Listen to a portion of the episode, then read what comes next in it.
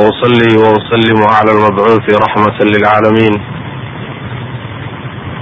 وعلى آله وصحبه أجمعين أما بعد أيها الإخوة في الله kelimada waan jeclahay darsigan inaan ka yidhaahdo waxay ku saabsan tahay inuu ruuxu wixii uu maqlo iyo wuxuu ogaado uu dhaqan geliyo oo isagu uu miisaanka isa saaro. Macnaheeda waxaan ka wadaa ujeeddadu ay tahay in badan waxbaan dhegaysanaynaa waa maqlaynaa waan akriyaynaa laakiin haddana waxaa laga yaabaa dad badan inay uba haystaan. Ciddan la hadlayo inuusan isaga ahayn. Oo uu is leeyahay malaha waxa weye ummado kaliya dad kalaaba lala hadlayayo la waaninayaayo axkaamtan iyo waxaan lagula hadlaya waana midda keentay runtii dadku intay aada wax u dhegaystaan haddana in dhaqankooda ayna wax badan iska bedelin rabbi subxaana watacaala qur'aanka wuxuu ku leeyahay kuma dheeraan doono kelimada insha allahu tacala inaan gaabiyaan jeclahay. Si waktigoo iska gaaban aan jaalis ugu helo yani wixii su'aalo ah ee waktiga inay u bataan baan jeclahay insha allahu tacala marka kelimo gaaban baan ka odhan doona haddii aan laidmo walaalayaal marka allah subxaana watacaala wuxuu ku sheegay qur'aanka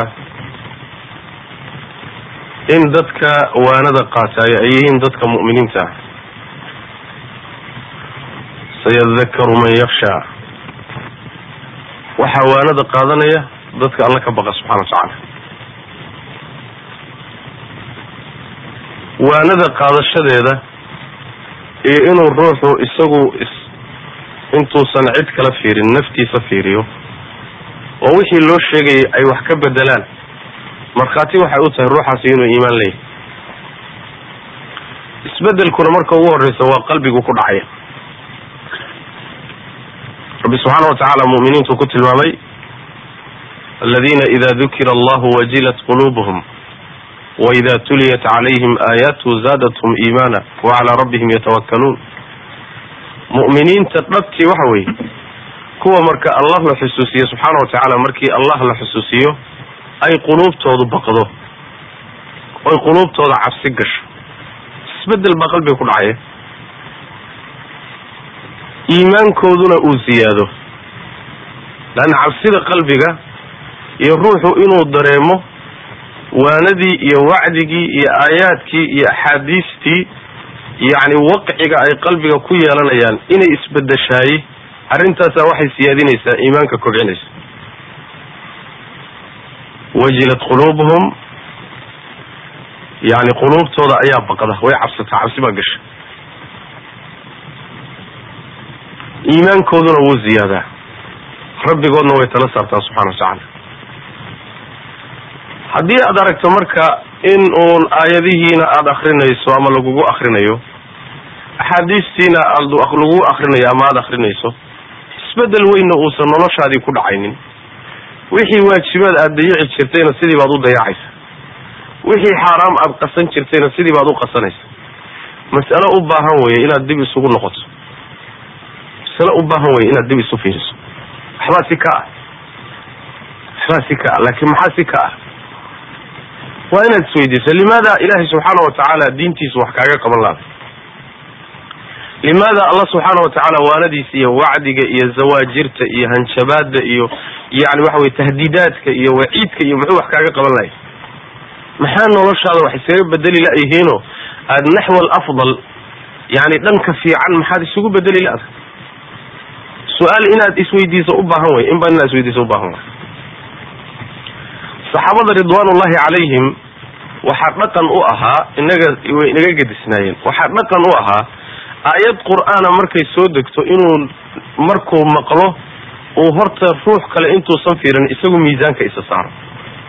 Aayaddaa hadday amar bixinayso inuu qaato isku dayaya hadday wax reebayso inuu ka hadhu doonaya hadday fadli sheegayso tartan inuu u galo isagu ugu horeeyo isku dayaya dad waxay ahaayeen yani marka ugu horreeya aan cid kala fiirinina iyagu lafahooda horta bal ismiisaama baynamaa inaga nusuustu intay dhacayso ama qur'aan la akrinayo ama wacdi la bixinayo waanada la sheegahayaba dad kale ad u aragtaaba inay usocoto haddii khalad laga hadlayo dad kalaa khaldan. Haddii waajib la dayacay laga hadlayo dad kala dayacay. Haddii macnaha waxa weye wax alla wixii la sheegayo o dhan waxay kula tahay dad kala la hadlaya adigaba yani waxa weye qasadku ma cunsurkaasi ama dhibkaasi wuxuu yahay dhibka keenay runtii in uu ruuxu muddo dheer intuu wax dhegaysto haddana isbeddel inuusan ku dhexin waana nasiib xumo runtii inteeda le cumar radi allahu canhu ayadda qur'aanka ee rabbi subxaana wa tacaala uu ku sheegay yawma yucradu aladina kafaruu cala annaari adhabtum طayibaatikum fi xayaatikum addunya wastamtactum biha falyawma tujzawna cadaab alhuun wixii wanaagyaalkiina ah horaa laydinku hormariyo adduunkaad ku qaadateen gaaladaasaa lagu dhihi. Maanta cadaab un baad meesha ku leedihin cumar radi allahu canhu aayaddaa markuu akriyo wuu ooyi jiray. Markii la weydiiyo la yidhi cumarow maxaad u ooyeysaa? Wuxuu dhihi jiray waxaan ka cabsanayaa inaan noqono kuwii wixii ay lahaayeen oo dheef adduunka loogu soo hormariyey. Sababto wuxuu noolaa xilligii saxaabada iyo nebigu ay nolol adag ku noolaayeen gadaal dambe haddana wuxuu noolaa xilligii futuuxaad ku dhaceen oo wax badan ay heleen oo noloshii isbedeshay oo runtii waxa weye risqigii loo waasiciyey. Cumar marka wuxuu leeyahay waxaan ka cabsanayaa aayaddaa dadkay sheegaysa inaan ka mid ah. Wa yawma yucradu aladiina kafaruu cala annaar. Baynamaa aayaddu ay tidhi kafaruu kuwa gaaloobay. Haddana cumar wuxuu leeyahay waxay ila tahay dadkeeda inaan ka mid ah. Maxaa yeele wixii raaxadan iyo adduunyadan aan ku jirna iyo barwaaqadan berrita in layna dhihi doono dee wixiini waad hormarsateen wixiini horay adduunkaad ku cunteen waxba aakhare idinma yaallo. Taasaan ka cabsanayaa buri. Radi allahu canhu. U fiirsa hadda waa ninkii nebi maxamed salawatu rabbi wasalaamu caleyhi ka mid a raggii ugu horreeya nebigu jannada uga markhaati kacay salawatu rabbi wasalamu caleyh iyagoo nool oon adduunkaba dhaafinba bay bishaaro ah waxay haysteen inay jannada gelayaan. Haddana maca dalika wuxuu leeyahay waxaan ka cabsanayaa aayadda dadkeeda inaan ka mid a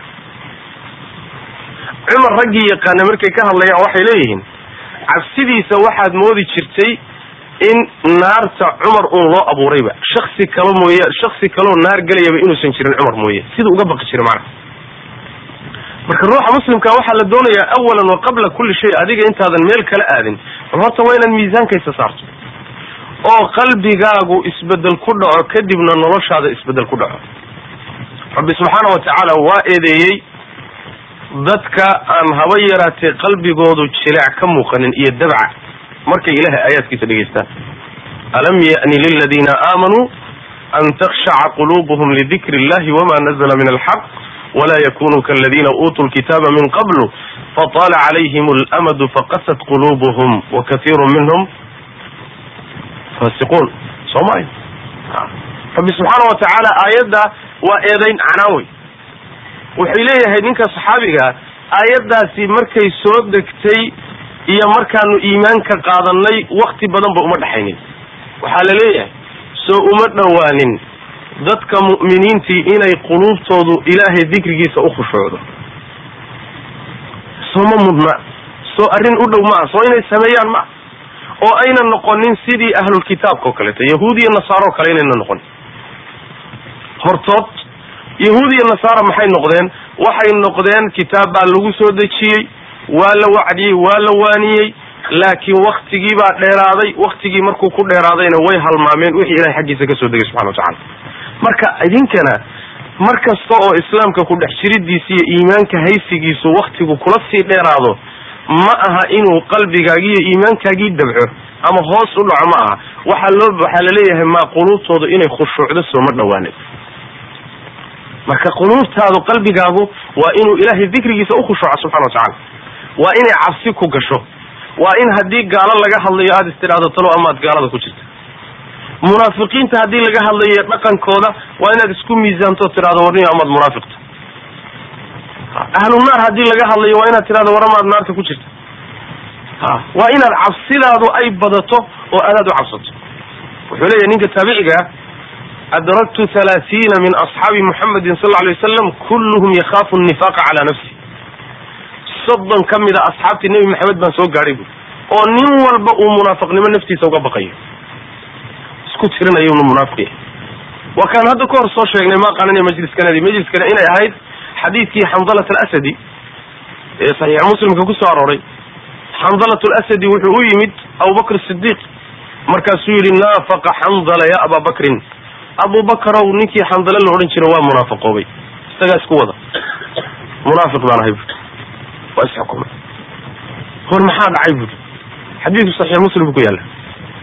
Wuxuu yidhi markaan nabiga la joogno sal alay wasalam oo naar iyo janno uu nagu waaninayo qalbiganaga isbeddel baa ku dhacay. Cabsida na gelaysa waxaad moodaa naarti iyo jannadii inay hortanada ka muuqato markaan ka tagno nabiga sal alay wasalam iyo majliskiisii iyo waanadiisii oo carruurta iyo reeraha iyo shaqooyinkii iyo aan dhex galno wixii dareenkii waa isbedelaya sidaas daraaddeed markaan nabiga la joognana xaal weeye arrinkeenu. Markaan ka tagnano adduunyada dhex gallana waa xaal kale. Isbedbedelna munaafiq baa lagu yaqaana iyo wejiyo badan. Saas daraaddeed ina munaafiqahay baan ofis miisaanka la saaraya fir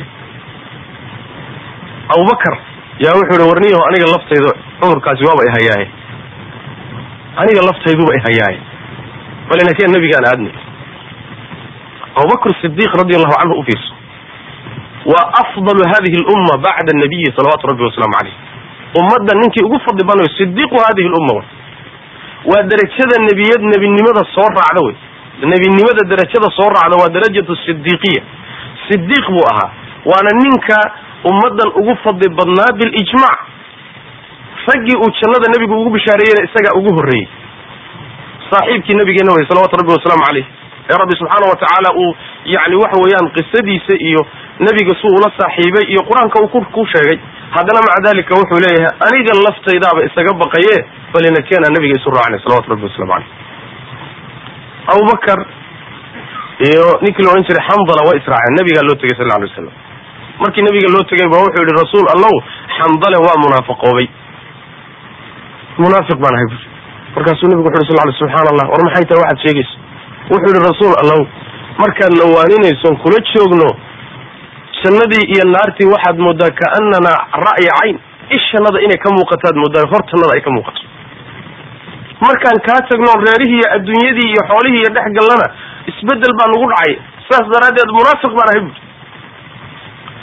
nabigu wuxu uhi salawatu rabbi wasalaamu caleyh wladii nafsii biyadihi law taduumuuna kama takunuuna cindii lasaafaxatkum lmalaa'ikatu cala turuq buu nabigu yuri salawatu rabbi waslamu caleyh walakin saacatan wa saacatan ya xandala aw kama qaala salawatu rabbi wasalaamu caleyh ilaahay baan ku dhaartay markaad ila joogtaan dareenka aad dareemaysaan iyo sida aad tihiin haddaad daa'imi lahaydeen oo weligiin saa aad ahaan lahaydeen malaa'igtaa jidadka idinku salaami lahayd buu nabigu yuri salawatu rabbi waslamu caleyh walakin saacad iyo saacad xandalow buu nabigu ku yuri salawatu rabbi waslamu caleyh saacadna dareenka noocaasa iyo aakhiradaada iyo cabsida ilaahay iyo shaqadii aakharo saacadna adduunyadaada iyo ilmahaaga iyo yani xoolahaaga iyo inaad ka shaqaysato saacatan wa saacatan buu nabigu yuri salawatu rabbi waslamu caleyh ujeeddadaan xadiidka ka leeyahay waxa weeye asxaabu rasuulillahi sal alay wasalam waxay ahaayeen kuwa naftooda uga baqa munaafiqnimo uga baqa kuwo waxay ahaayeen nusuusta ilaahay markay arkaan oo qur'aanka arkaan waxay ahaayeen kuwo isku dabaqa. Nusuusta waciidka iyo hanjabaada iyo goodiga marka ugu horreysa isagaa u malayn jiray in loola jeedo. Laakiin innaga dhibaatadayn haysata waxa weeye. Inteenna badan caqiidadaana waa caqiide ka timid nimanka la yidhahda murji'ada. Waa niman aada khubata u ah caqiida khabiisa jiddan oo can dariiqi suufiya inoo soo martay oo aada u khariban baa jirta caqiidadaasi waxay leedahay ruuxa marba hadduu iimaan sheeganayo dembi kastoo uu galo isaga iyo jibriil iyo nebi maxamed waa isku iimaan. Niman murjia la yidhahdo wa iimaanka sidiisaba isma dhimo hoosna uma dhaco mana siyaado dadkuna waa isku iimaan. Waa meeshaan ka keennay ummaddii nebi maxamed baynu nahay oo kollay adiga lagu cadaabi maayo saas ma tukado ma salaado ilaahay ma yaqaano khayr ku arki maysid balaayo dhan buu sameeyaa. Haddana waxa uun qalbiga kaga jirta kolley jannada lagaaga horrayn maayo. Mar waxaasee ku soconay? Jannadu shaqay rabtaa sooma waman araada alaakhirata wa sacaa laha sacyaha wa huwa mu'min. Alla subxana wa tacala saasuu ley ninkii aakhara doonaya ma doonid keliya maye oo shaqaysta bu rabbi subxana wa tacala doonidii wuxuu isku daray shaqo uu shaqaystay dadaalkeediiy uu la yimi kuwa way kuwa ilaahay subxana wa tacala uga mahad celinayo waxay la yimaadeen oo ilahay janno uu ku abaalmarinay subxana wa tacala marka walaalayaal waa in adiga iyo lafahaaga shaksiyan waa inaad ismiisaanto wey. Oo xataa adoo dadaalaya oo salaadaya oo cibaadaysanaya oo ilaahay subxaana wa tacaala diintiisa u shaqaynaya oo dadaal hayo waajibaadkii gudanaya xaaraamtana ka cararaya haddana waxaa la doonayaa inaad isliido ood u aragto weli meeshii lagaaga baahnaa inaadan buuxinin. Weli inay wax kaa dhiman yihiin. Saa haddaad noqoto allaha subxaanahu wa tacaala shaki ma laha. Yani baahidaadaas waa u muuqataa waana arkaya rabbina subxana wa tacaala yani waxa way isagaa ku garab qabanay laakin mushkila waxay kugu dhici markii ay kugu dhacdo alamnu min makri illahi subxana wa tacala isdhigato aad tidhahdo wallahi lagagama fiicnaba oo adigu shanta salaadood aaba tukataayo waxna waabad ku dartaayo sunadana waa tukatay. Kuwa aan intaba laga helin baaba jooge so adigu ma dhanta wuxuu fiirinayaa ka ka hooseeyuu ka qiyaas qaadanaya. Maxaa loo baahnaa? Waxaa loo baahnaa ka kaa koreeya inaad ka qiyaas qaadato ninka kaa fiican ee kaa horreeya aad fiirsato. Soo ma? Haddaad adigu shanta salaadood tukato mid baa salaatuleilka tukada oo sunooyinka o dhan tukada oo diinta ilaahay u shaqeeya oo naftiisa iyo xoolihiisaba ku bixiya kaasaa la rabaa inaad fiirsato. Oo tidhahdo wallahi waa lagaa horreeya ka daba tag. Laakin haddaad tidhahdo oo midaan tukanin baaba jire. Soo raadkaagii dib maada u qaadin. Lama rabo. Adduunyada waxa ilaahay markaad ka hadlayso adduunyada markaad fiirinayso ayaa waxaa layna yidhi adduunyada waxaad fiirisaan ruuxa idinka hooseeya. Laakin ka kaa koreeya ha fiirinin ruuxa kaa hooseeya haddaad fiiriso xagga adduunyada waxay kugu bixinaysaa ilaahay nicmaduu ku siiyey inaadan yasinayno kula yaraanin haddaad jiran tahay mid kaa jiro badan baad arkaysaa soo ma? Haddaad xooluhu kugu yar yihiin ku kaasii daran baad arkaysaa kaas ka qiyaas qaado. Kaa koo hooseeya markaad fiiriso waxaad leedahay alxamdulilah war intanaaba farda kula carra intanaaba rakarooni intan ba haddii lagu siiyey wallahi adaaba ugu sitaba laakiin haddaad fiiriso midka waxoogaa loo dhamaystiray oo kaa koreeya waxaad leedahay wallahi waad qatanta war maxaa laguu qadiyey? Oo ilahu maxaad iga dawacsanta oo maxaa sidan lagu yeelay? Oo waxba ma haysto? Wixii ilaahay ku siiyey subxaana wa tacala baad kula yaraanay. Waa xagga adduunyada. Laakiin camal aakhare markay noqoto iyo wax ilaahay loogu dhowaanayo waxaa lagu leeyahay ka kaa hooseeya ha fiirine liite midka kaa horreeya kaa fiican fiiri laqad kaana lakum fi rasuuli illahi uswatun xasana dayashadaada iyo ruuxaad fiirsanayso waa inuu nebi maxamed noqdo salawatu rabbi wasalaamu caleyh waa inaad isku daydo raggii fiicnaa inaad ka daba tagto ama ka ag dhawaato inaad isku dayda la doonay laakiin haddaynu walaalayaal isdegano la yidhahdo maya mushkila runtii waxa weye in haysatay ka mid tahay cilmigii waa la dhegaysanayaa wacdigii waa batay cajalidihii waa bateen duruus baa la akrinayaa caawi isbedelkii dhib waxaa ugu badan ma maqsho weligaa geed biyo ku dhex engegay. Ya geed biyo ku dhex engegay. Inuu qoyo miyaa laga filaya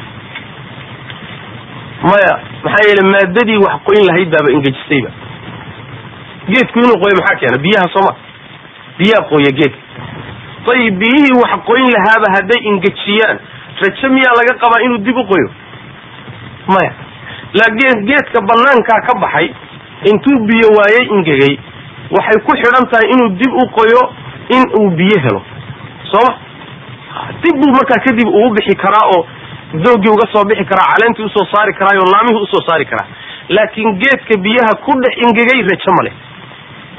Waxaa la mid a ruuxa diinta ku dhex ingegay oo cilmiga ku dhex ingegay oo dhegaysiga ku dhex ingegay oo halkaas haba yaraatee wax isbedela uusan ku dhacaynin. Haddaad aayad akrinayso wadaad intuu yimaado aayad qur'aanka ka mida uu soo qaadanayo wuxuuba og yahayba aayadda intuusan soo qaadanin mawduuca markuu ka hadlayo aayadda soo socota uu soo wato uba garanba xadiiska lagu waanin doono wuuba sii garanba waa horu maqlay. Wax ku cusub maba jiraba. Soo ma? Marka wixii o dhan muxuu la noqday? Wixii oo dhan caadi buu la noqday. Wixii oo dhan wixii isbedeli lahaa daawadii baa caadi la noqotay caadi la noqotay yani waxa weeyaan waa sidii jermisku markuu la qabsado masalan hadda antibiotic oo kaleeto ama daawada uu la qabsado waxba kama qaban karto. Sooma yani waxay la mid tahay ruuxii waxaa la doonaya wuxuu inuu cusub yahay oo qalbi cusub ku fiiriyo oo indho cusub ku fiiriyo. Hadda masalan kownkan inugu wareegsan samadan iyo dhulkan iyo buurahan iyo badahan iyo khalqigan kala gedisan caadaysiga markaad ka saarto aada caadaysateed mar walba arki jirtay ood indho cusub ku fiiriso qalbi cusubna ku fiiriso duruus waxaa kaaga soo baxaysa aan kaaga soo baxaynin markay caadi ku yihiin. Wax kaley ku noqonaya. Waana midda qur'aanku tilmaamayo wa fii anfusikum afalaa tubsiruun. Aayaad ilaahay baa meeshan yaalla. Laakiin maxaynu u dareemi la'nahay? Leanna waa caadaysanay. Shayga haddaad caadaysato caadaysigu dhibkiisuu leeyahay. Wuxuu tagsiinayaa dareenkiibuu tagsiinaya. Waata la yidhaahdo kasratu lmasaasi tudhibu alxasaas ba la yidhahda yani taabashada faraha badan shayga taabashadiisu hadday kugu badato dareenkii aad dareemi lahayd bay tagsiinaysa. Dareenkii bay tagsiinaysa. Waxaa loo baahaya marka walaalayaal cilmiga la qaadanayo wacdiga la qaadanayo diinta aad dhegaysanayso waa inay wax kaa bedesho. Qur'aanka hal mar markaad akrido dhamayso waa inuu noloshaada wax ka bedelo. Waa inuu wax kugu kordhiyo. Samaan iyo khayr iyo dhaacana waa inuu kugu kordhiyo xumaanna waa inuu kaa reebo. Ilaa xaddi maa wuxuun waa inuu kordhiyo. Ood u aragto adiga inuu yahay ninka lala hadlayo rasuulkeena salawaatu rabbi wasalaamu aleyh walaalayaal ilaahay wuxuu ka magangeli jiray afar shay. Allahuma inii acuudu bika min cilmin laa yanfac wa min qalbin laa yakshac wa min nafsin laa tashbac wa min dacwatin laa yustajaabu lah. Allahu allow waxaan magan kaaga ahay. Cilmi aan waxba anfacayn oon ruuxii waxba ka bedelayn oo aan lagu dhaqmaynin o lagu camalfalayn ilahu magan baan kaaga. Ahay qalbi aan khushuucaynin oo allah markii lagu waaniyo aan isbedelayninna ilahu magan baan kaaga. Ahay naf aan dhergaynin oo adduunye uun cadhinayso weligeed adduunye aan ka dhergaynina ilahu magan baan kaaga. Ahay baryo aan la aqbalaynin oo inta gacanta lagu taagto aad soo celinaysana ilahu magan baan kaaga. Ahay afartaasaan ilahu kaa magangelaya bu nabigu dhihi jiray salawatu rabbi wasalaamu caleyh waa arrin culayskeeda la wey haddaad aragto shay ilaahay laga magangelayo macnaheedu waxa weeye waa culus yahay ma fududa. Cilmi marka aan manfac lahayn oon ku anficin oon wax kaa bedelin waxba ma tarin. Inuu ilaahay fogaansho kaaga kordhiyo mooye dhawaansho kaaga kordhin maayo. Waaban ku khasaartay marka walaalayaal waa in ruuxa muslimka ah uu ku talagalo wuxuu maqlaba inuu fuliyo. Hadday adiga kugu saabsan tahay fuli dhaqaalahaaga ku saabsan tahay fuli reerkaaga hadday ku saabsan tahay fuli carruurtaada hadday ku saabsan tahay fuli wax alla waxaad maqasho waa inaad isku daydo inaad tatbiiqiso haddaad samayso ilahay waa kuu kordhinaya subxana wa tacala lain shakartum laazidannakum ilahay waa kuu siidayna subxana wa tacala waxaa la yidhaahdaa samaantu samaan bay dhashaa daacadu daacay dhashaa macsiyaduna macsiyay dhashaa. Yani sababtuna waxa weyan hal jazaau lixsaani ila lixsaan haddaad samafal la timaado ood adiga dadaasho samafalka abaalgudkiisu waa in samafal kale lagugu daro. Waladiina jaahaduu fiina lanahdiyannahum subulana bu alla subxana wa tacaala. Haddii dadaal iyo hagarbax iyo adiga xaggaaga ay ka muuqato inaad dadaalayso rabbi ka arko subxana wa tacaala. Allah subxana wa tacala waa ku caawinaya. Waa ku caawinaya. Wixii kaa dhiman buu rabbi kuu dhamaystiraya subxana wa tacala wixii kaa dhiman buu kuu dhamaystiraya laakin adiga haddaad ishagrato oo adigaba aadan rabin inaad tilaabo qaado. Ha ninkii waxhaysta wax loogu daraa. Ninkii waxhaysta ba wax loogu daraa. Ninkii tilaabo qaadaa la daba dabada laga riixa. Laakiin ninaan uba soo jeedinba hadde waxa weeyaan yani dhurwaa meeshuu rabay usha loogu dhuftay unbaad noqon. Meeshaad rabto unbaa usha lagugu dhufan. Khayr ma rabti soo maa khalaas shaydaan iyo balaaya lagula xidhiidhinaya wanaag baad rabtaa tilaabadiisii qaad. Ilahay baa subxana wa tacala kuu kaalmaynaya marka inaad tilaabo qaadood isxilqaanto walaalayaal oo tacawudkan oo nusuusta dhegaysigeeda aan caadaysanay aan ka baxno oo nusuusta lagu dhegaysta dhag cusub qalbi cusub lagu qaabilo yani waxa weye diyaar garow aad diyaar u tahay inaad fuliso aan ku qaabilo ayaa laga maarmaan. Allah subxaana wa tacaala walaalayaal dadka intay uun diinta dhegaystaan ama bartaan kadibna ka tegaya laba tusaale oo aad u khariban laba tusaale oo yani waxa weeyaan aad u liita laba shay oo aad u liita buu rabbi subxana wa tacala qur'aanka ku tusaalay oo mithaal kaga bixiy mid suurat lacraaf bay ku jirtaa midna suurat ljumca ta koobaad waat rabbi leeyahay subxaana wa tacaala yani waxa weye watlu calayhim naba aladi aataynaahu aayaatina fansalaka minha faatbacahu shayطaanu fakana min alghaawin walow shi'na larafacnaahu biha walakinahu akhlada ila alardi wاtabaca hawaa famahaluhu kamahali اlkalb in taxmil calayhi yalhas aw tatrukhu yalhas rabbi wuxu uhi subxaana wa tacaala waxaad ku dul akridaa mid qisadiisa iyo sifadiisa ku dul akri muxuu ahaa kaas mid ilaahay aayaadkiisii siiyey oo diinta ilaahay bartay oo gartay oo maqlay markaa kadibna ka dhex siibtay fansalakha minha sida neefka xoolaha haragga looga siiboo kale yuu uga dhex siibtay dhaqan ulumuusan imaanin waa ka tegey faatbacahu shayطaanu fakana min alghaawiin markiiba shaydaan baa dabada ku xidhay oo shaydaan baa kaxaystay rabbi wuxuu yihi subxaana wa tacaala walaw shi'na larafacnaahu biha haddaan dooni lahayn waanu kor baan u qaadi lahayn oo aayaadkaas sababtood baan kor ugu qaadi lahayn walakinahu akhlada ila alardi laakin isagaa dhulka isku waariyey dhulku isku dhaji.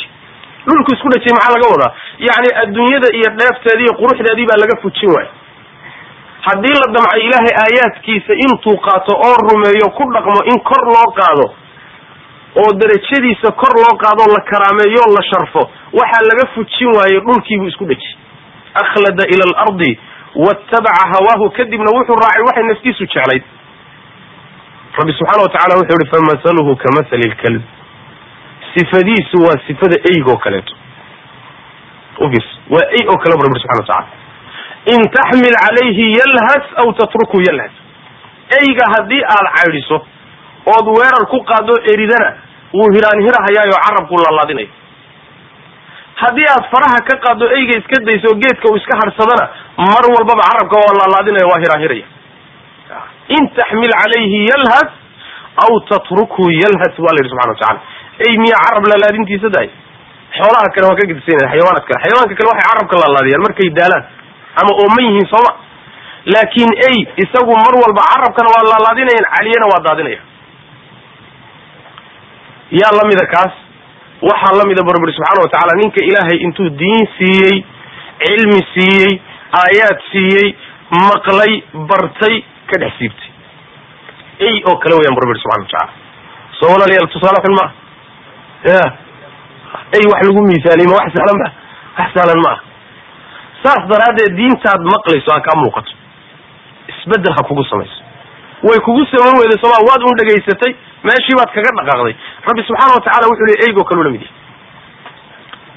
Mithaalka labaad ee rabbi u sameeyey qur'aanka waxa weeyaan suurat ljumuca midka ku soo arooray mathalu aladiina xumiluu tawraata uma lam yaxmiluuha kamathali lximaari yaxmilu asfaara kuwii tawreed loo xambaariyey oo aan xambaarin tawreed xilkeedii baa la saaray xilkeedii mayna qaadina way ka tageen inay ku camal falaan bay diideen waa xambaarsan yihiin wayna garanayaan way fahamsan yihiin laakiin dhaqankii bay ka tageen sifadoodu iyagana waxay la mid tahay sidii dameer oo kale bu rabbi yihi subxana wa tacala dameer dameerka tusaale waxaa loogu soo qaataa yani waxa weeye fi lxumqi fi lxumqi wa qilat alcaqli walfahmi garasho la'aan iyo nacasnimo. Baa sideedaba dameerka tusaale loogu soo qaata. Hebel waa dameer haddii la yidhahdo macnaha waxa weeyaan waxba ma fahmo wey waa ahbal nacas wa marka rabbi subxaana wa tacaala caqli xumadooda iyo garaad xumadooda wuxuu leeyahay waxay ka dhigan yihiin sidii dameero oo kale wey rufis mithaal haddii mithaal sifadaada laga dhigay sifa dameer oo kaleeto marna laga dhigay sifadaada sife ey oo kaleeto ma wax ka liitaa jira? Meeshii ugu liitay baa ta meeshii ugu liidatay baa taalla saas daraaddeed allah subxaana wa tacaala haddii aad maqasho wixii uu xaggiisa ka soo degay ama nebi maxamed salawatu rabbi wasalaamu caleyh dhaxalkii xaggiisa ka yimid haddaad maqasho waxaad isku daydaa si aadan dameer u noqonin iyo ey waxaad isku daydaa inaad dhaqan geliso dhaqan ula imo.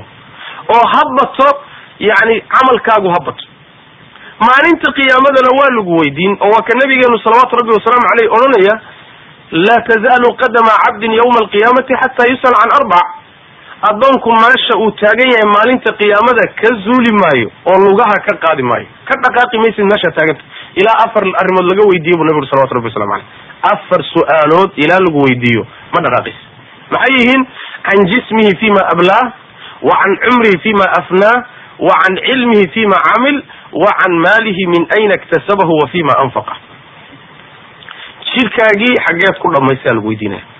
Jidhkaagii ilan waa adiga arkay bini aadamku markuu koro oo xoogaysto qaangaadhka markuu gaadhayo wixii ka dambeeya jidhkiisu waa is haystaa. Jidhkiisu waa adag yahay waa xoog badan yahay ha waa qurux badan yahay jidhkii sidaas ahaa markuu muddo joogo wakti gaadho waa yani waxa quruxdii waa baaba'aysa. Xooggiina waa dabcayaa. Boolbool buu u kala furfuranaya marka ugu dambaysa wuxuu gaadhayaa inuu kici waayoba. Su'aasha lagu weydiin waxay tahay jidhkaagu markuu sidan u baaba'haya maxaad ku baabisay? Maxaad xamaalaysa? Ilan jidhka shaqo unbaa baabiisay sooma maxaad ka shaqaynaysa ood u kala oo shaqaynaysa oo qabanaysay oo inta aad haysay? Maxaad dhihi maxaad ku jawaabi waa inaad tidhaahdo ilaah xalaalna maalmana marna xalaal baan raadinahay oon xamaalahay oo xuquuqdii adi saartay baan dee gudanahay. Marna hade daacadaadaan ku jiray oo halkaasaan ku mashquulsanaa waa jawaab saxa wey waad fakan markaa haddiise laakiin ay noqoto ilahu xamaal un baan ku jiray oo adduunye un baan eryahayey oo diiwaankiiba laga waayaba xamaalkii aakhira laga waayo khalaas waa ku dhamaatay marka. Imtixaanka waad ku dhacday su'aasha labaadi waxa weeye cimrigaagii xaggeed ku dhamaysay cimrigu waa maalmaha ku maraya saacadaha daqiiqadaha asaabiicda sanadaha yani waktigan ku maraya ayaa cimrigaaga. Daqiiqad walba iyo saacad walba xaggeed joogtay maxaad si qabanaysay baa iyaduna su'aal ah. Ma aha yani waxa weeyaan daqiiqad iska dhaafay xataa ilbiriqsi baa la iskula xisaabtamaya ilbiriqsi baa ilahi subxana watacala hortiisa la iskula xisaabtamaya ilbiriqsigaa maxaad haysay baa lagu odhanaya laxdadaa maxaad ku mashquulsanayd? Waa inay marka soo baxdo intaad khayrka ku mashquulsanayd inay ka badnayd intaad ku mashquulsanayd adduunyo ama ma macaasi iyo dunuub haddaad gashay waa inay tani badato. Su'aasha saddexaadi waxa weeyaan oo ujeedadu ay tahay hadda xadiiska aan u keenay wa can cilmihi fima camil wuxuu bartay oo u ogaaday wax maxaad kaga camal fashay baa lagu odhanaya. Haddaad ogaatay shay hebel inuu xaaraam yahay ma daysay ribada haddaad ogaatay inay xaaraam tahay ma ka tagtay.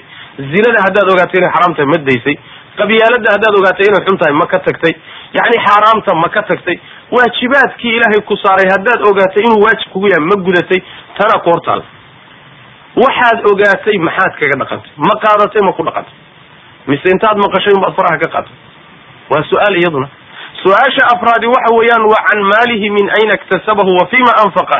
Xoolahaagii meeshaad ka keentay ay kaa soo galeen iyo meeshaad ku bixisay baa iyadana lagu weydiinaya dirham kasta iyadana labadaas su'aalood baa dul saaran. Shilin kasta oo soo galay. Senti kasta laba su'aalood baa dul saaran. Xaggeed ka keentay ma xalaal mise xaaraam markii dambe xaggeed ku bixisay ma meel ilaahay ogol yahay mise meel ilaahay uusan rabin? Labadaas su'aalood baa dul saaran. Nolosheenna o dhan baa marka wada su'aala ah sooma noloshii o dhan baa wada su'aal ah waxaa lagu weydiin marka cilmigan aad maqlaysaan iyo diintan aad dhegaysanaysaan eed u imaanaysaan ee wadaadada xiijinaysaan. Wadaadadii xiiqe oo intaa waxun baa la akrinaya oo intaa duruus umaa socoto. Haddana maca dalika awi bulshadii isbeddel maxaa loo laya dhibku waxa weeyaan marka walaalayaal waa inaan ismuraajacayno oo nafteenna dib ugu noqono oon ogaano dadka nusuusta lagula hadlayo inaad adiga tahay. Allah dadkuu la hadlaya inaad adiga tahay. Dadka qur'aanku u soo degay inaad adiga tahay.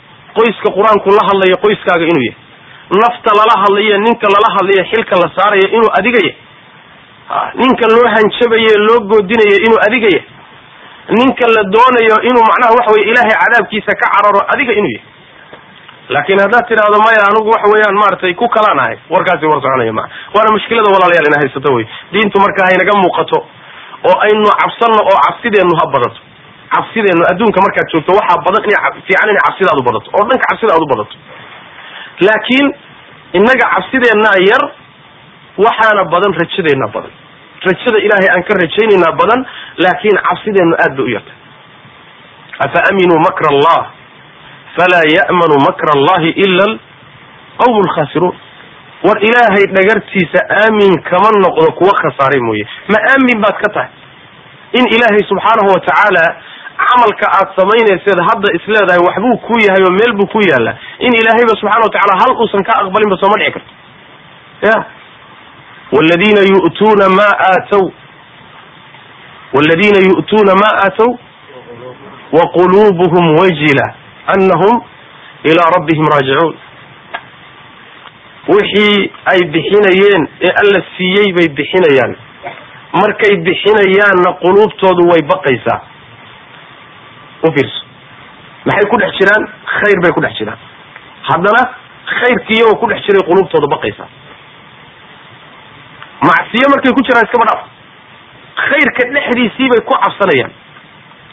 Caaisha radi allahu canha baa waxay tidhi xadiidka saxiixa sida kusugan nebi allow aayadan qoladay ka hadlayso ee ay leedahay ayagoo daacadii ku jira oo sadaqadii bixinaya bay haddana baqayaan.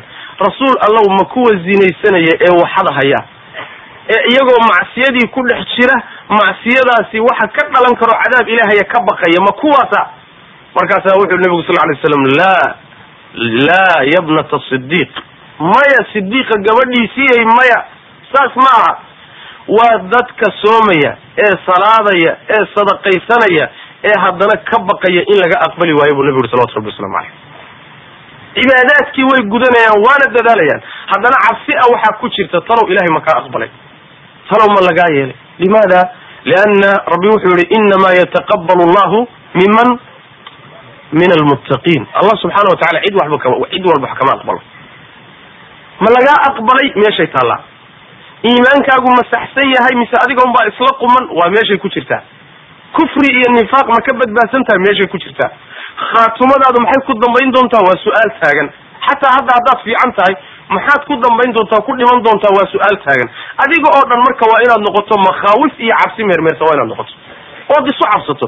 Cabsidaasi markay ku gasho waxaa ku gelaya markaa kadib oo ka dhalanaya wax sax oo isa sax oo dhaqankaaga sax oo waajibkaad ka tegi jirtay hagaaji oo xaaraamtaad ku dhici jirtay jooji oo xilki ilaahay ku saaray gudo oo xuquuqda lagugu leeyahay iska hagaaji taasaa ku gelaysa. Waana fulin markaa shaki male laakiin waa in qalbiga wax ka yimaado oo isbeddel qalbiga ka yimaado oo cabsi qalbiga ay gasho oo aad diyaar u noqoto inaad isbedesho noloshaada inta ku laabo haddii kaleeto sidaa sidaa u tahay ood u caadaysanayso ood u dhegaysanayso ood u imaanayso ood u maqlayso oo yaad qalaf maalinta dambe ti ilahay baa ku imaanayso wax isbedelana maadan samayn.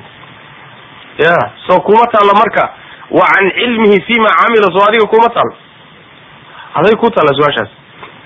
Walaalayaal marka waa inaynu isku dayno nolosheenna inaan wax ka bedelno nolosheenna inaynu wax ka bedelno ilaahay subxaana wa tacaala diintiisu inaad ta'tiiriso oo waxaan maqlayno aynu yani khayr ay inoo siyaadiso xumaan fara badanna ay inaga celiso oo aynu nolosheenna inta inoo laaban inaynu wanaag siyaadsanno mooye inayna dib u noqonin nabigeena salawatu rabbi waslamu aleyh ducooyinkiisa waxaa ka mid a allahuma inii acuudu bika min alxawri bacda alkawr.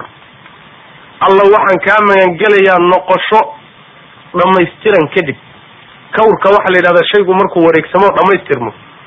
Xawrkana waxaa la yidhahdaa noqoshada la yidhahda macnaha waxa weeyaan in aan u noqdo xumaan iyo naqsi iyo inaan daacadaan samayn jiray hoos uga dhaco dadaalkaan waday hoos uga dhaco markii ilaahay dhamaystiran isiiye kadib. Salaatuleyl baad tukan jirtay waad ka tagtay.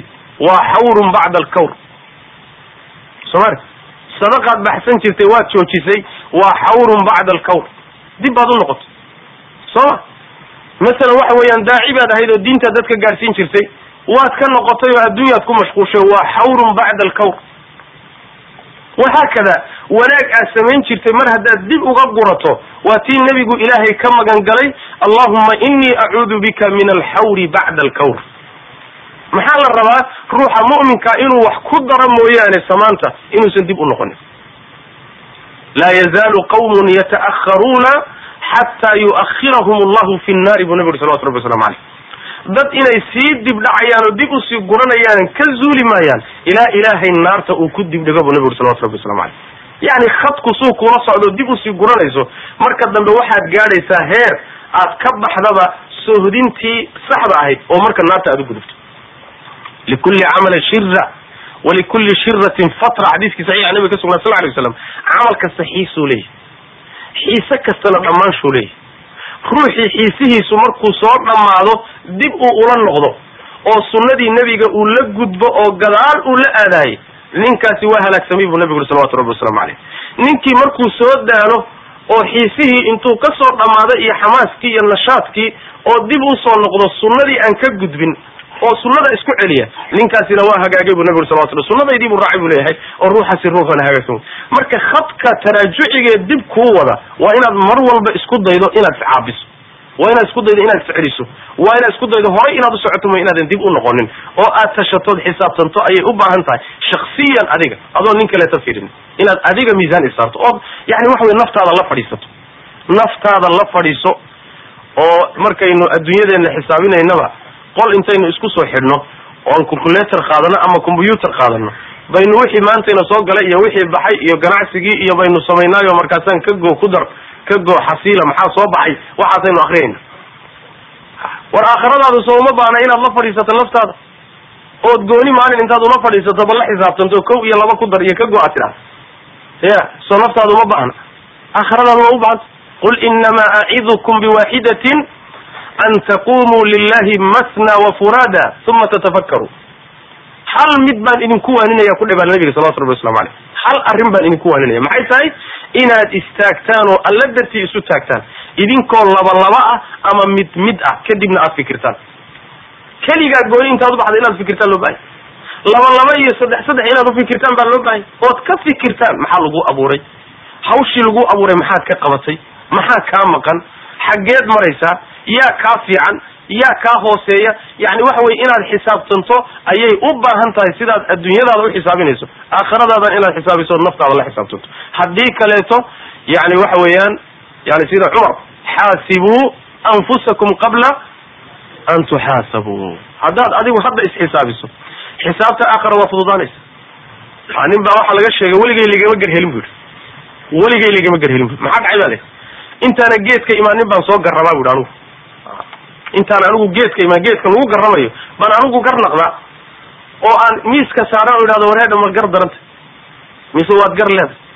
Hadday ii muuqato in le in aan gar darnahay ede geedkaba ma imaadee xaqii waan ictiraafaadu haddii laakiin ay ii muuqato inaan gar leeyahay anigoo gartaydii markaale baan geedka taga saasaan ku gar helaa bu macnaheedu waa nin soo xisaabtama wey nin meesha iska yimaado maa adoo soo xisaabtamay haddaad ilaahay u tagto adduunyadaada xisaabtami jiray shaki male xisaabta aakhara waa fududaanaysa laakiin ninkii kala daadsanaayoon xisaabtami jirinow xisaabta aakhara markaad tagto wax badanoodan malaynaynin baa kugu soo baxaya wax badanoodan malaynaynin baa kugu soo baxaya sida ilahay qur'aan ku sheegay subxaana wa tacaala dad badan baa aakhara waxay ugu tegayaan ilahay agtiisa waxayna ka filanayn wax ay filhayeen waxaan ahayn bay ilahay agtiisa ugu tegi doonaan subxana wa tacala marka walaalayaal aynu xisaabtanno aynu nafteenna la fadhiisanno.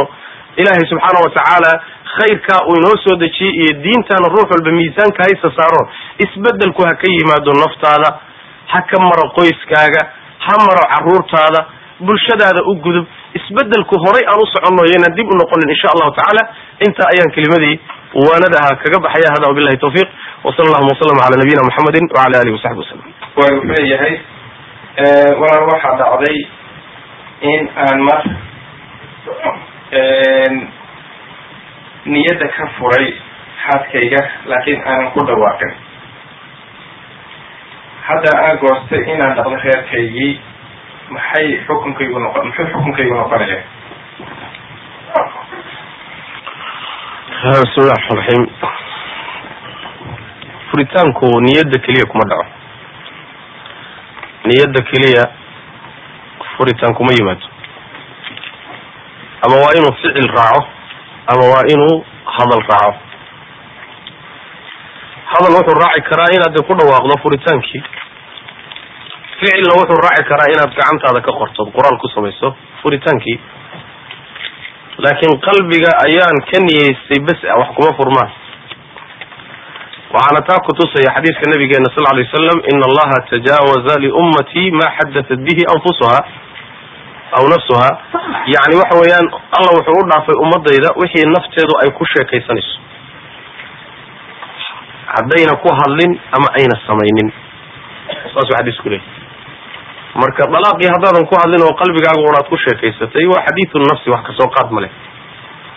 Bal waxaa wax ka weyn baaba naftu ku sheekayn kartaayoo khatar noqon kara haddana maca ilahay waa inaga cafiyey subxana wa tacala waa waxaynaan awood u lahayn oo qalbiga wax kama celin karno wuxuu iska rabaa. Adiga xumaanta celceli baa lagu yidhi. Waxaad dadabaali karto laakin waxa weyan isagaa maro badan kaa xoog badan waxbaa iskaga soo dhacaya waa iska furan shaydaan baa marmarka qaarkood iskala gelaya afka waxba uu isaga sheeg sheegahaya adigana ma celin karti marka laa yukalifu llahu nafsan ila wuscaha wixii karaankaagan ilahay kuguma kalifay subxana watacala marka niyad keliya wax kuma furmaan wabilahi tawfiq bismillah. Sheekh sa-aalkan wuxuu leeyahay walaal waxaa jira waxaa la yidhahda balwadu inay noocyo badan tahay. Qaarkood qur'aanka ma yaa caddeeyey. Tusaale ahaan waxyaalaha shakigu inta badan dadka kaga jira waxaa ka mid a qaadka iyo sigaarka marka maxaad arrimaha ka odhan lahay walaal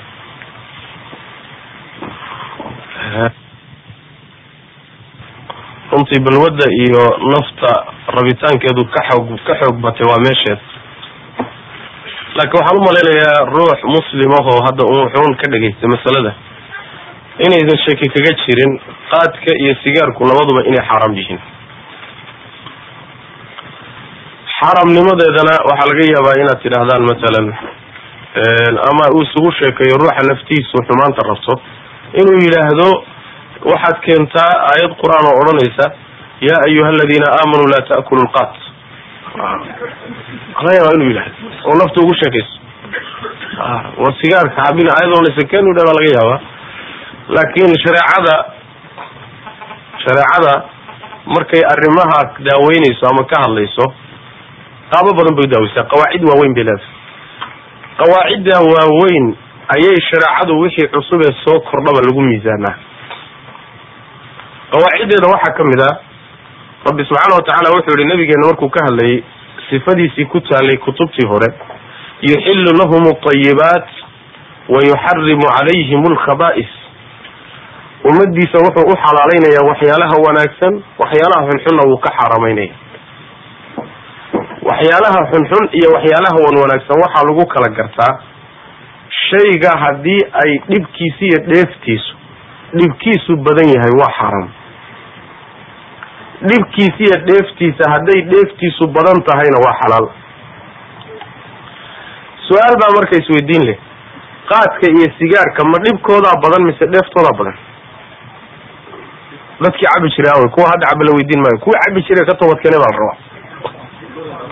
Ya dhibkoodaa badan shaki male sooma ama dhibkay caafimaadka ugeysanayaan ama dhibkay dhaqaalaha ugeysanayaan ama dhi dhibkay caqliga ugeysanayaan ama dhibkay qoyska ugeysanayaan yacni dhibaatooyin aan yarayn ayay u geysanayaan ruuxa.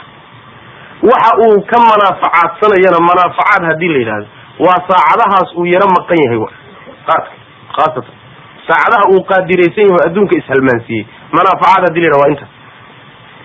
Ma manaafacaad baa intaas? Ya intaa waa inta khamrada laga helo.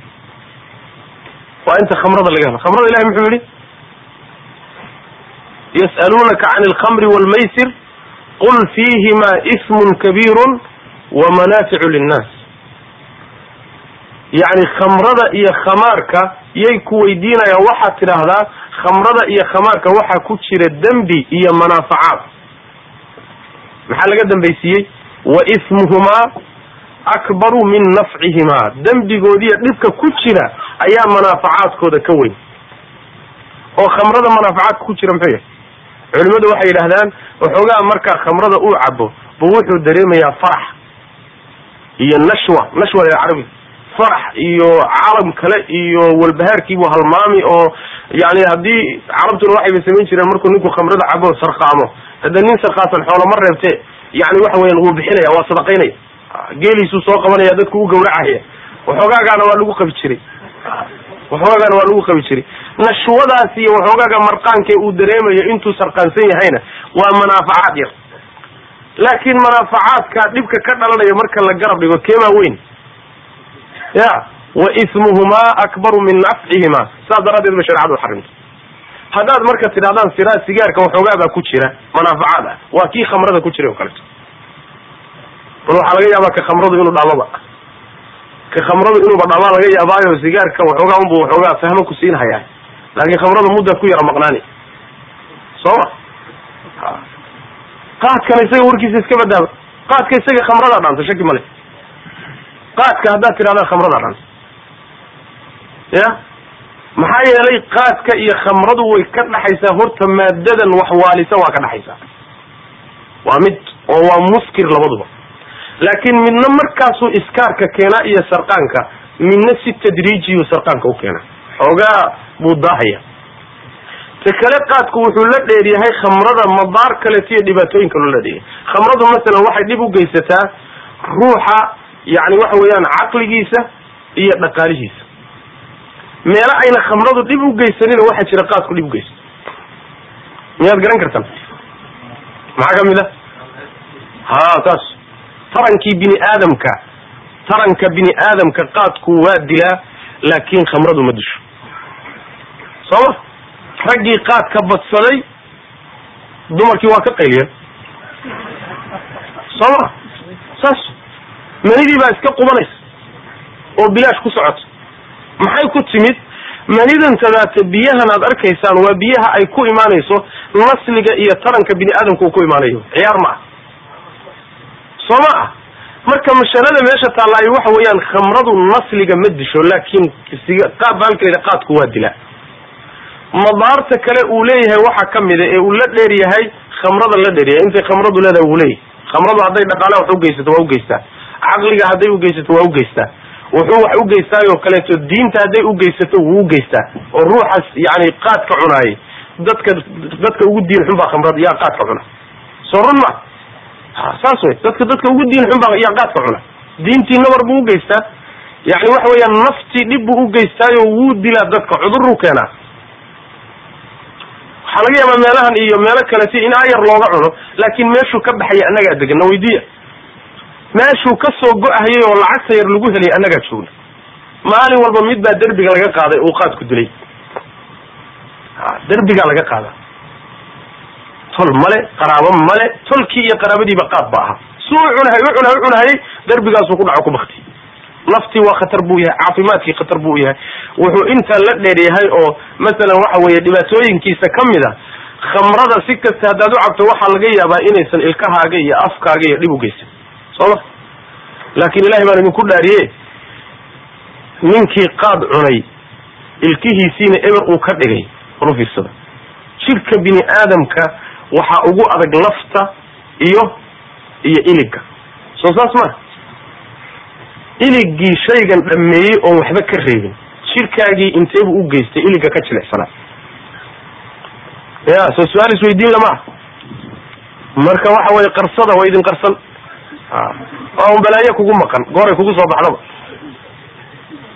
waxaan ka wadaa inaan idhaahdo bimacnaa waxa weeyaan yani wayuxilu lahum ayibaat yuxilu lahum alayibaat wayuxarimu calayhim alkhaba'is intaasoo dhib hadduu leeyahay ma khabiis ba mise waa dayib inuu khabiis yahay mashaki baa ku jira khalaas khabiis hadduu yahay waa xaaraam khabiisna waxa weeyaan dhibkiisaa badan dhibkiisu hadduu badan yahay waa xaaraam shareecadu saasay takriirinaysa uma baahnin markaa kadib inuu ku yidhaahdo war aayada qur'aan oo keen sheekh ku odhanaysaa ya ayuha aladiina aamanu laa taakulu lkar war diintii o dhan baa bale laa taakulu lkar adugu aayad baad sheegaya diinta qawaaciddeedii o dhan ba waxay leedahay laa taakulu lkar saas dhibaatada uu inagu haya haddaan ogaan lahayn. Maanta runtii waxa weeye wax yani hadda laga hadlo maba ahaba ilah baan idinku dhaariya bal ufiirsa laba dawladood ee dariska la-a soomaaliya waa ethoobia iyo iyo kenya. Labada dawladoodba waa laba dawladood oo nasraaniya wey soo ma waa labada dawladood ee qaadku ka baxa wey qaadkuna soomaaliya uga tago. Diyaarad caleen ah oo dadka maankiisii lagu bedelayo. Intaasoo diyaaradood bay geeyaan sanad kasta waddanka geeyaan. Maalin kastaan dhihila maalin kasta. Haddana waxay soo celiyaan diyaaradii oo dollar wadda. Markay xisaabinayeen maalin weyda ixsaa'iyaad waxaan akrinaya ethoobiya intay ka hesho sanad walba qaadka soomaaliya taga. Malaayiini dollaraad wey. Dadkaad arkaysaane duburta ka soo jeeda tacbaanka. Soo maaritaan wax laga hadla marka ma aha hadda qaadku ma xalaal ba mise waa xaaraam seen isaga daynaa seesan looga hortago ha laga hadlo.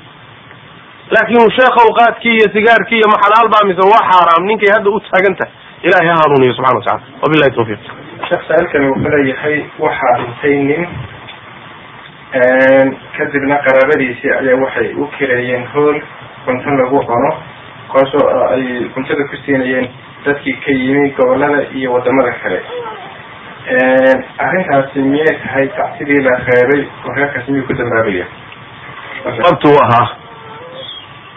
Tacsida noocaas oo kale ma banaana waana soomaalida waxay tacsida u taqaano. Maydku markuu dhinto in xoolo la qalo la isugu yimaado gurigii la fadhiisto wax lagu cuno ama meel kaleba la geeyo waa tacsi muxaram ah.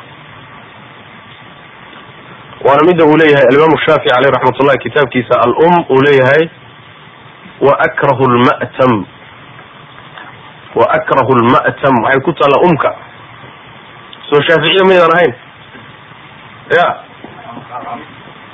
xageed ka marteen marka imaamu shaafici qowlkiisa wadaadadii shaaficiyaanu nahay ku hayay ee haddana tacsiye inoo jideeyey imaamu shaafici wuxuu leeyahay kitaabka isagu uu leeyahay waxaan karaahaysanayaa waxa la yidhaahdo ma'tamka isu imaadka maydku markuu dhinto ka dambeeya waa karaahaysanayaa buu leeyahy karaahaduna a'imada luqadooda marka la yidhahdo iyo luqada sharciga a'imadii salafka iyo sharciga qur'aanka iyo sunnada karaahada waxaa loo isticmaala xaaraamta. Wa karaha ilaykum alkufra walfusuuqa walcisyaan waa un iska karaaha maad kufriga. Maya karaahadan inagu naqaano karaahadani waa musطalax dib ka yimid waay. Karaahada oo ah shay aad samaynayso oo laga fiican yaho dembi kaa soo gaadhin taas dib bay ka timi laakin karaahadu luqada shaarica iyo luqadii salafka marka la firiyo isdilaaxooda karaahadu bimacnaa xaraam way. Imaamu shaafici aleh raxmat ullahi marka saasuu leeyahay akrahu lma'tam hadyigii nebigu wuxuu aha sal ly waslam maydku markuu dhinto qaab baa jira shareecadu ay tacsiye u qabto. Tacsiye saxa jirta laakin waa qaabkee qaabkeenan maaha waa khilaafsan tahay. Qaabka saxdaa waxa weeyaan maydku markuu dhinto in loo tago dadka la sabirsiiyo ilaahay la xusuusiyo musiibadan ku dhacday yacni qalbigooda la dejiyo. Maalmaha musiibadu haysana ayaga wixii caawimaad ama kaalmee loo geysan karo in loo kaalmeeyo. Guriga iyo jikada wax lagala qabto ila waa murugsan yihiin waa walbaharsan yihiin sooma guriga iyo jikada loo galo cuntadii loo kariyo. Haddii wax la siin karo la siiyana mushkilo male in ayaga la caawiyo. Si looga khafiifiyo mushkiladii ku dhacday iyo musiibada looga khafiifiyo taasay shareecadu qabtaa laakiin shareecadu ma qabto waxoogaagii looga tegay inta loo tago in la cuno. Balse isu dabamarsan yihiin fiiri ilahay baan idinku dhaariyey anigu waxaan is leeyahay waxyaalo fara badan noocaa la xidhiidha. Gaajaa jiri jirtay mawta dadku waa gaajaysnaayeen. Wadaadaa jideeye marka. Wadaado jidayntay jideeyeen hunguri un bay ula jeedeen. Waxyaalo badan oo noocaasaa jira. Siyaaro wax la yidhahdaa jira oo diinta meel kaga taala ina jiro siyaaro walaa kutubtay hayeen wadaadadu kuma taalo siyaaro wax la yidhahdo oo dadka laga qaado. Waxaan jirin wax la yidhahdo hadda waxay bilaabeen wax la yidhahdo yani maalinta roob doonta oo kale. Roob doonta nebigu qaab buu ujideeyey sooma aad garanaysaan? Roob doonta xoola ha la qalo. War xageed ka keenta xoola roob doon la qalahay. Intaasoo munaasabadood oo wax lagu qalahayo oo wadaadadu ay dadka u sheegeen oo diin uga dhigan baa jira. Hal mid oo sal kule diin ayna ku jira qur'aan iyo sunnatoona aan lagu hayn. Saas daraaddeed khayrulhadyi hadyu muxamedin sala allahu alayhi wasalam jidkii rasuulka aan qabsano wixii dhaqanee khaldanaa ninkii keenana ilahay ha u dembi dhaafo intii samaysayna ilahay ha u dembi dhaafo ninkii ogaadayna markuu ogaaday kadib ha joojiyo wabilahi tawfiq yahay walaal waxaan hay waxaana taa lacag meel taalla oo aan wax dhaqdhaqaaqa samaynin haddii aan hal mar seke ka bixiyo miyo mar labaad seka ku waajibaysaa jawaabtu waxa way ahaa haddaynan qiyaastii sekada ku waajibaysa hoos uga dhicin. Maxaa yeele waxaa la yidhahdaa waxyaabana waxyaabana waxa weeyaan faa'iidada ay soo saaraan baa laga zakeeyaa. Waxyaabana waxaa laga zakeeyaa isaga laftiisaaba qaabilu linnubuwi bay linnumuwi bay dhahaan culimadu. Yani lacagtu haba iska taalo laakiin waxay diyaar u tahay inay ziyaado inay ziyaaday diyaar u tahay saas daraaddeed lacagta waxaa la isku waafaqsan yahay lacagaha hadday xataa iska yaalaan sanadkiina u soo wareego qiyaastii zakadu kaga waajibaysana ayna hoos uga dhicin sanad walba waa in laga zakeeyo qiyaastay zakadu kaga waajibayso aan idinku daro waa meeqa? Ya meeqay zakadu kaga waajibtaa lacaga laba boqol miya? Ma laba boqol oo karoon mise laba boqol oo dollar mise laba boqol oo shilin mise laba boqol oo riyaal ya sanad baa u soo wareegay. Ninkan wuxuu haystaa masalan shan boqol oo shan boqol oo wuxuu haystaa dollar. Shan boqol oo dollar buu haystaa seka ma ku waajibta ya maxaad haysan? Miyaad iskhilaafsantihin mise waad iswaafaqsantihin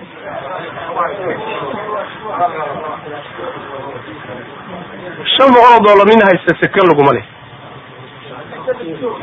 sanad hadduu soo wareego xataa.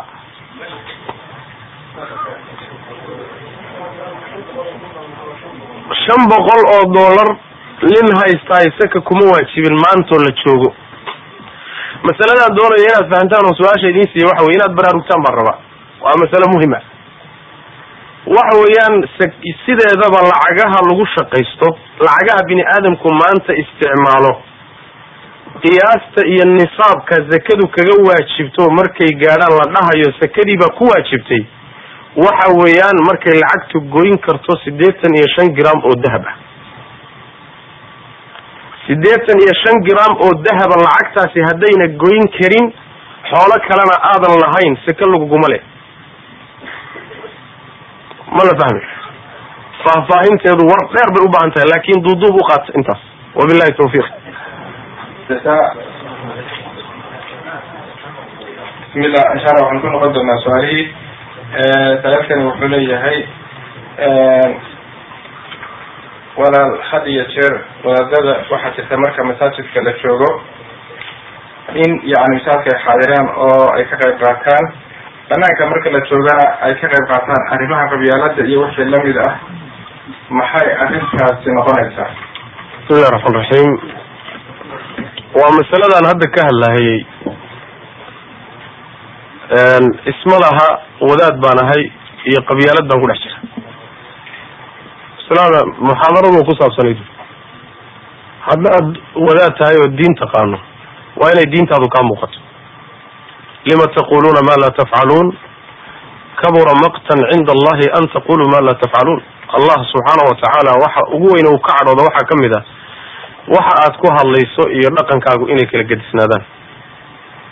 Culimadu waa qudwo waa dayasho ummadda raacaysa waa lagu dayanayaa saas daraaddeed cudurrada bulshada haya waa inay ka fayow yihiin.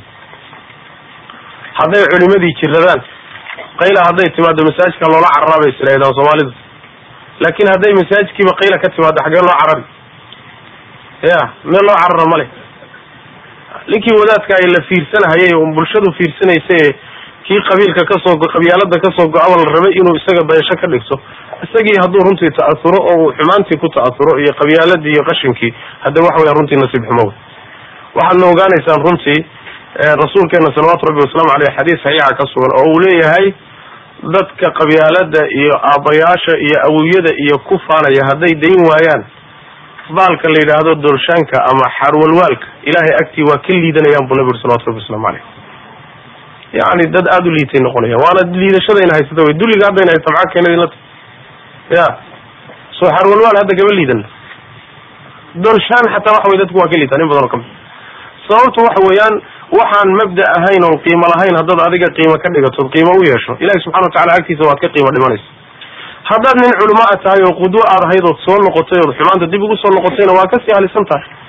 Dadka maalinta qiyaamada ugu cadaab badan bay ka mid tahay yani waxa wey saddexda maalinta qiyaamada cadaabka loogu horgeyn doono nin caalima ku jira. Nin caalima ku jira. Marka waxa weeye yani dadka ahlulkhayrka ilahay ka cabsada subxana watacaala iyo dadka akhyaarta midna inaad kala saartaan waa loo baahan yahay.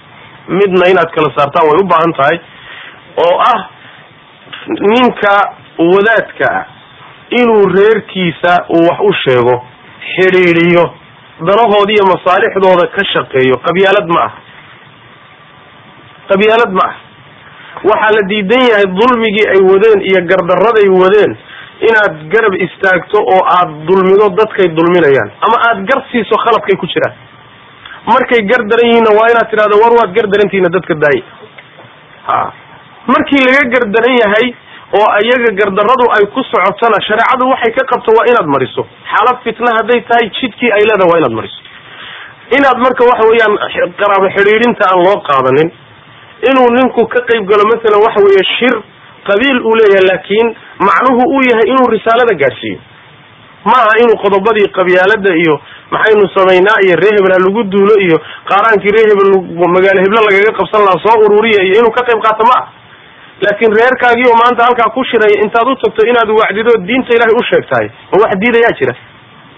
Nebigu salawaatu rabbi wasalaamu caleyhi wuxuu waxaa ka sugan inuu leeyahay yacni fadhi aan ka qayb galay jaahiliyadii aan ka qayb galay oo maanta hadduu dhici lahaana aan ka qayb geli lahaa baa jira. Fadhigaasi wuxuu ahaa fadhigii qurayshi ay isugu timid oo ay ku ku gaadhaysid go'aankii odhanayay xaramka dhexdiisa nina laguma dulmin karo. Waa qabiilkiisii waana shir qabiil. Haddana nebigu waa ka qayb galay wuxuuna uga qayb galay shirka go'aanka ka soo baxaya wuxuu yahay go'aan sax ah oo cadaalad ku shaqaynaya qabiilkii in laga shaqeeyo wadaadku ka shaqeeyo qabiilkii inay shareecada qaataan. Ugaaskii in shareecada lagu qanciyo iyagii in la waaniyo qabyaalada laga waaniyo xidhiidhin la xidhiidhiyo taasi waxa weeyaan shareecada qabto qabiil iyo qabyaalad baa kala jirta. Qabiilku waa sax inuu jiro nasabku waa loo baahan yahay axkaam baa ka ratimaysa. Nebigu wuxu uhi sal lla alay wasalam tacallamuu min ansaabikum ma tasiluuna bihi arxamakum. Nasabkiina ka barta waxaad qaraabada ku xidhiidhisaan qaraabada in la xidhiidhiyo waa loo baahan yahay nasabkiiyo qabiilku inuu jiro. Qabiilka jiritaankiisa waxaa ilaahay u sameeyey litacaarafu inaad isku barataan dhaxalkii baa ka dhalanaya guurkii yaad geydaa yaasan geyin baa ka dhalanaysa. Iskaashi qabiilku uu sameeyaa ka dhalanayo ruuxii dhib soo gaadho in la caawiyo masalada caaqilada oo kaleeto. Waxaa ka dhalay nabigeena salawatu rabbi wasalam labadii qabiile aws iyo khasraj siday u dhisnaayeen iyo ugaasyadoodii iyo salaadiintoodii buu nebigu u daayey salawatu rabbi waslamu caleyh sacd ibnu cubaad baa cubaada u ahaa mina mina sacd ibnu mucaad baa ugaas u ahaa. Labadoodii ugaasba waa loo daayay. Ilaa waktigii nebigu ka dhimanayay salawaatu rabbi wasalaamu caleyh yani waa jireen qabaaishii waa jireen. Wayna jirayaan waana qaab bulshadu isugu xidhanto. Laakiin qabiilku goormuu qabyaalad isu rogaayo khaldan yahay. Wuxuu khaldan yahay marka loo isticmaalo shay dadka lagu dulmiyo. Oo dadka lagu gardaraysto. Oo xadgudub lagu sameeyo oo xumaanta la isugu kaashado markuu noqdo waa qabyaalad waana midda sharcadu didinta amaa qabiil ahaan iyo xidhiidhintiisa iyo iskaashiga iyo taasi waxa weeyaan waa dhalashaday ka timaadaa shareecaduna waxay leedahay dhalashadu ha jirto. Hana la isku xidhiidhiyo. Wabillahi tawfiiq. Sheekh saailkani wuxuu leeyahay walaal allaha ka abaalmariyo muxaadareenkii xiriirka ha aada noo soo jeedisay. Walaal waxaan maqlay in magaalo ku taalla kenya ay muddo aan fogeyn wada muslimeen iyaga iyo caaqilkoodiiba arrintaa ma maqashay maxaase ka jira? Xagaa chief bay ka dhahaan. Yani kenya inay dadku soo islaamaan waa masale aada u fudud waay. Hadda waxaa u dambeysay oo hadda maalmahan soo baxay wax yar ka hor dhacday niman la yidhahdo mingiki. Mingiki oo xagga laga yidhahdo. Waa niman ka dhashay qabiilka waddanka u badan oo kikuyada la yidhahdo. Waa niman yani madhab gooniya lahaayo dhowr kun bay ahaayeen oo isku xidhnaa buur la yidhaahdo monte kenya oo buuraha waddanka ugu dheerdheer ka mida bay caabudaan oo ujeedsadaan hal ilaahna way rumaysan yihiin kaniisadihii si kasta intay yeeleen waxay ka dhaadhicin kari waayeen saddex ilaah baa jira. Niman xoog badan oo isku xidhan waay. Nimankii baa waxay bilaabeen hadda inay soo islaamaan. Taqriiban hal mar baa waxaa timid oo soo islaamtay kun ruux oo kaniisadihii argagixeen laakiin waxaa nasiib xumo noqotay in yani waxa weye cadadka saa u badan iyo tirada saa u badan degmo dhan maca odaygoodii baa soo islaamaya.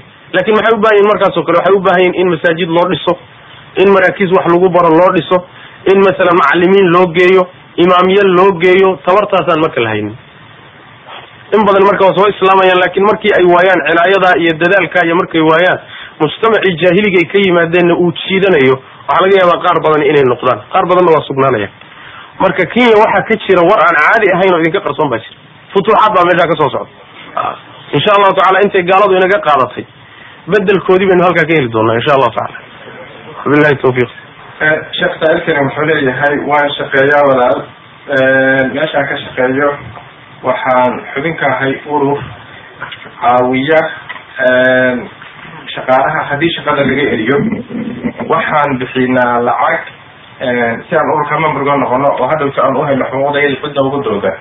Marka arrintaa maxay diinta ku rabtaa. Ma urur urur private miya mise waa urur xukumiya may waa private. Private umada ururada shaqaalaha samaysta ayib ma wax ganacsiya ku jira? Masalan ururku ma jiha waxaa jirta ka ganacsanaysa mise waa un iskaashi? Waa su'aal u baahan la caddeeyo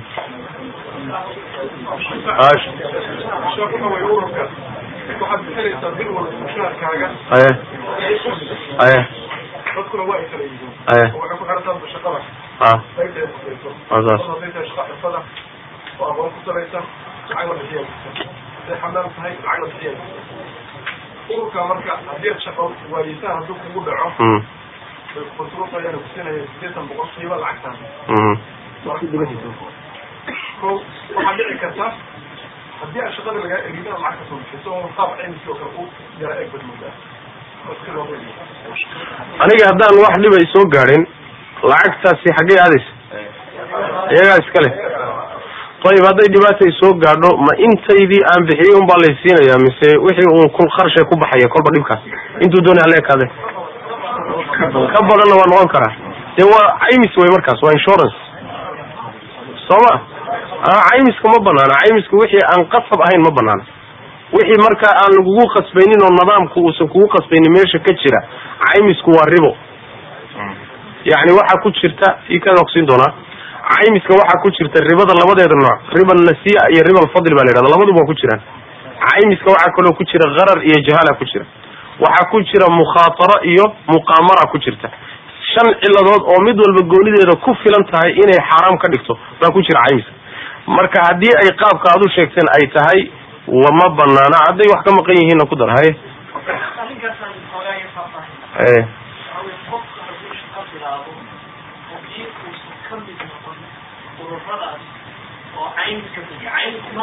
dar haye e waxay yidhaahdaan ururka shaqa la'aan haddii shaqa la'aan ku dhacdo waxaa lagu siinayaa masalan intaad doontin qaado haddaad muddo saddex bilood shaqeyso ilaa saddex bilood haddii aadan ka mid noqon afartii bilood lacagtaas aadan bixin hadhowdii cid lacag siinaysa male kumuluu ku siin maayo sababta waxaa lagu leeya waa shaqaysaa waa inaad shaqaysaa waad ku khasbanta inaad lacagtaas si hadhowdii shaqa haddii shaqada lagaa cayniyo lacagtaas ismaqalna insha allah raalli ahaada dood ma aha. Bes bes bes bes. Shaqan ku wareejinayna falifata sheekh aniga waxaan idin idhi horta insurance in lagu magacaabo iyo magac kale in loo bixiyo muhiim ma aha magacyadu laakiin waxa meesha yaalla ayuu shaygu ama insurance ku noqonayaa ama uusan ku noqonayn. Hadday mas'aladu tahay waxa aad bixinayso bishiiba intaasaad bixinaysa hadhow markay dhibaata timaadana ama adigu shaqo la'aan dhe ama shil kugu yimid dhe shaqo la'aantu waa nooc shil ah. Shaqo la'aan hadday kugu timaadana waa lagu kafaalo qaadaya intaad shaqo ka helayso. Lama garanayo lacagtaad bixisay iyo lacagta dib lagaa siin doono ma isleeg yihiin mise way kala badan yihiin soo saas ma ah. Ficlan ama way kala yaraanayaan ama way kala badanayaan. Soo saas ma ah. Mucaamalada noocaas oo kale ah waa mucaamalo khaldan sharcan. Laakiin mid baa furan. Haddii aad ku qasbantihiin idinkaa garanaya masalada waa masaladan lahaa. Sheekh waxa wey waa labada labada khiyaarba waa idin siinaya. Idinka waaqiciina ula noqdo yani sidaydaan ugu murminba haddaad ku qasban tihiin oo nidaamka waddanka ka jira idin qasbayo macnaheedu waxa weeye daruur aan bay u banaananaysa haddaydan ku qasbanayn oo nidaamku uusan idinku qasbaynin xaaraamtii bay taagnaanaysaa. Markaa kadib idinku ismiisaama wabilahi tawfiiq. Jasakum allah khayr. Sheekh su'aalkan wuxuu leeyahay cudurka la yihahda stressku ma ku dhacaa dadka muslimiinta? Ah stressku muxuu waa limiya mise waxaa le buufiska la dhamiya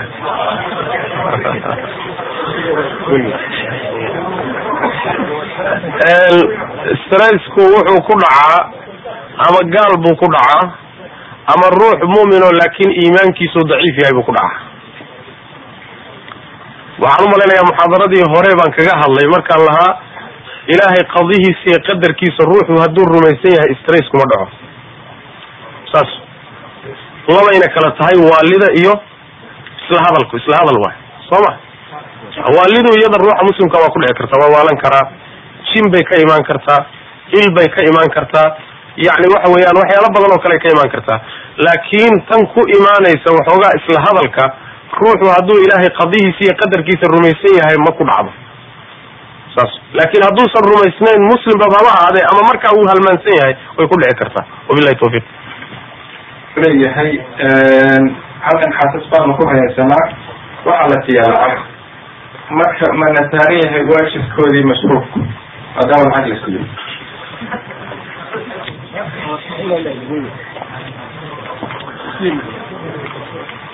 waxaan idin dhihi lahaa. Haddaad tidhaahdaan masruufku nama saarna hawsha gogoshuna meesha ka bixi.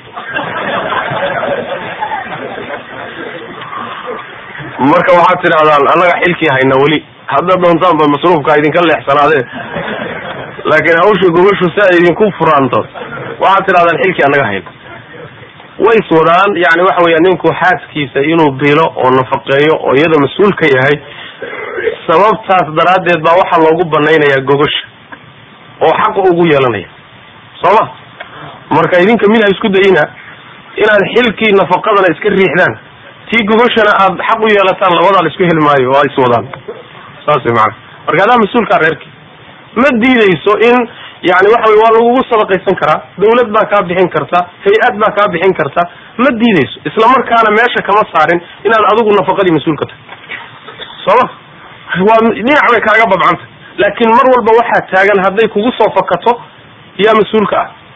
Adigaa mas'uulka ah. Qawaamada guriga iyo mas'uuliyadda rabbi wuxu uhi subxana watacala alrijaalu qawaamuuna cala annisaa maxaa lagu xujiyey bima fadala allahu bihi bacdahum cala bacdin wa bima anfaquu haddaan nafaqada la waayo qawaamanimadii yani waxa weye halis bay gelaysa sooma marka adigaa qawaam ah nafaqadana adaa mas'uulka ah laakin ma diideyso in jiho jihooyinka ka mid a ay kaa bixiso mararka qaarkood wabilahi tawfiiq jasakum allahu khayra jasa in badanna waa la fadhiyay su'aaladana way badan yihiin walaalo aan hore u way jiraan su'aashaasan ku soo khatimi doona kuwana hayno dabadna liiskii habeenkii dhawata wixii ka baxsaday ayaan u soo noqon doonaa insha allah.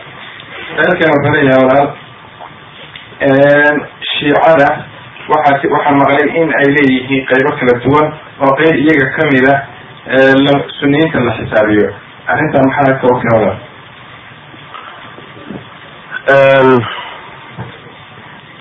Shiicadu horta waa intaasoo kooxood oo aada u fara badan ma aqaano malaha halkan ay ahayd baan malaynayaa markaan ka jawaabayay su'aashii khawaarijta.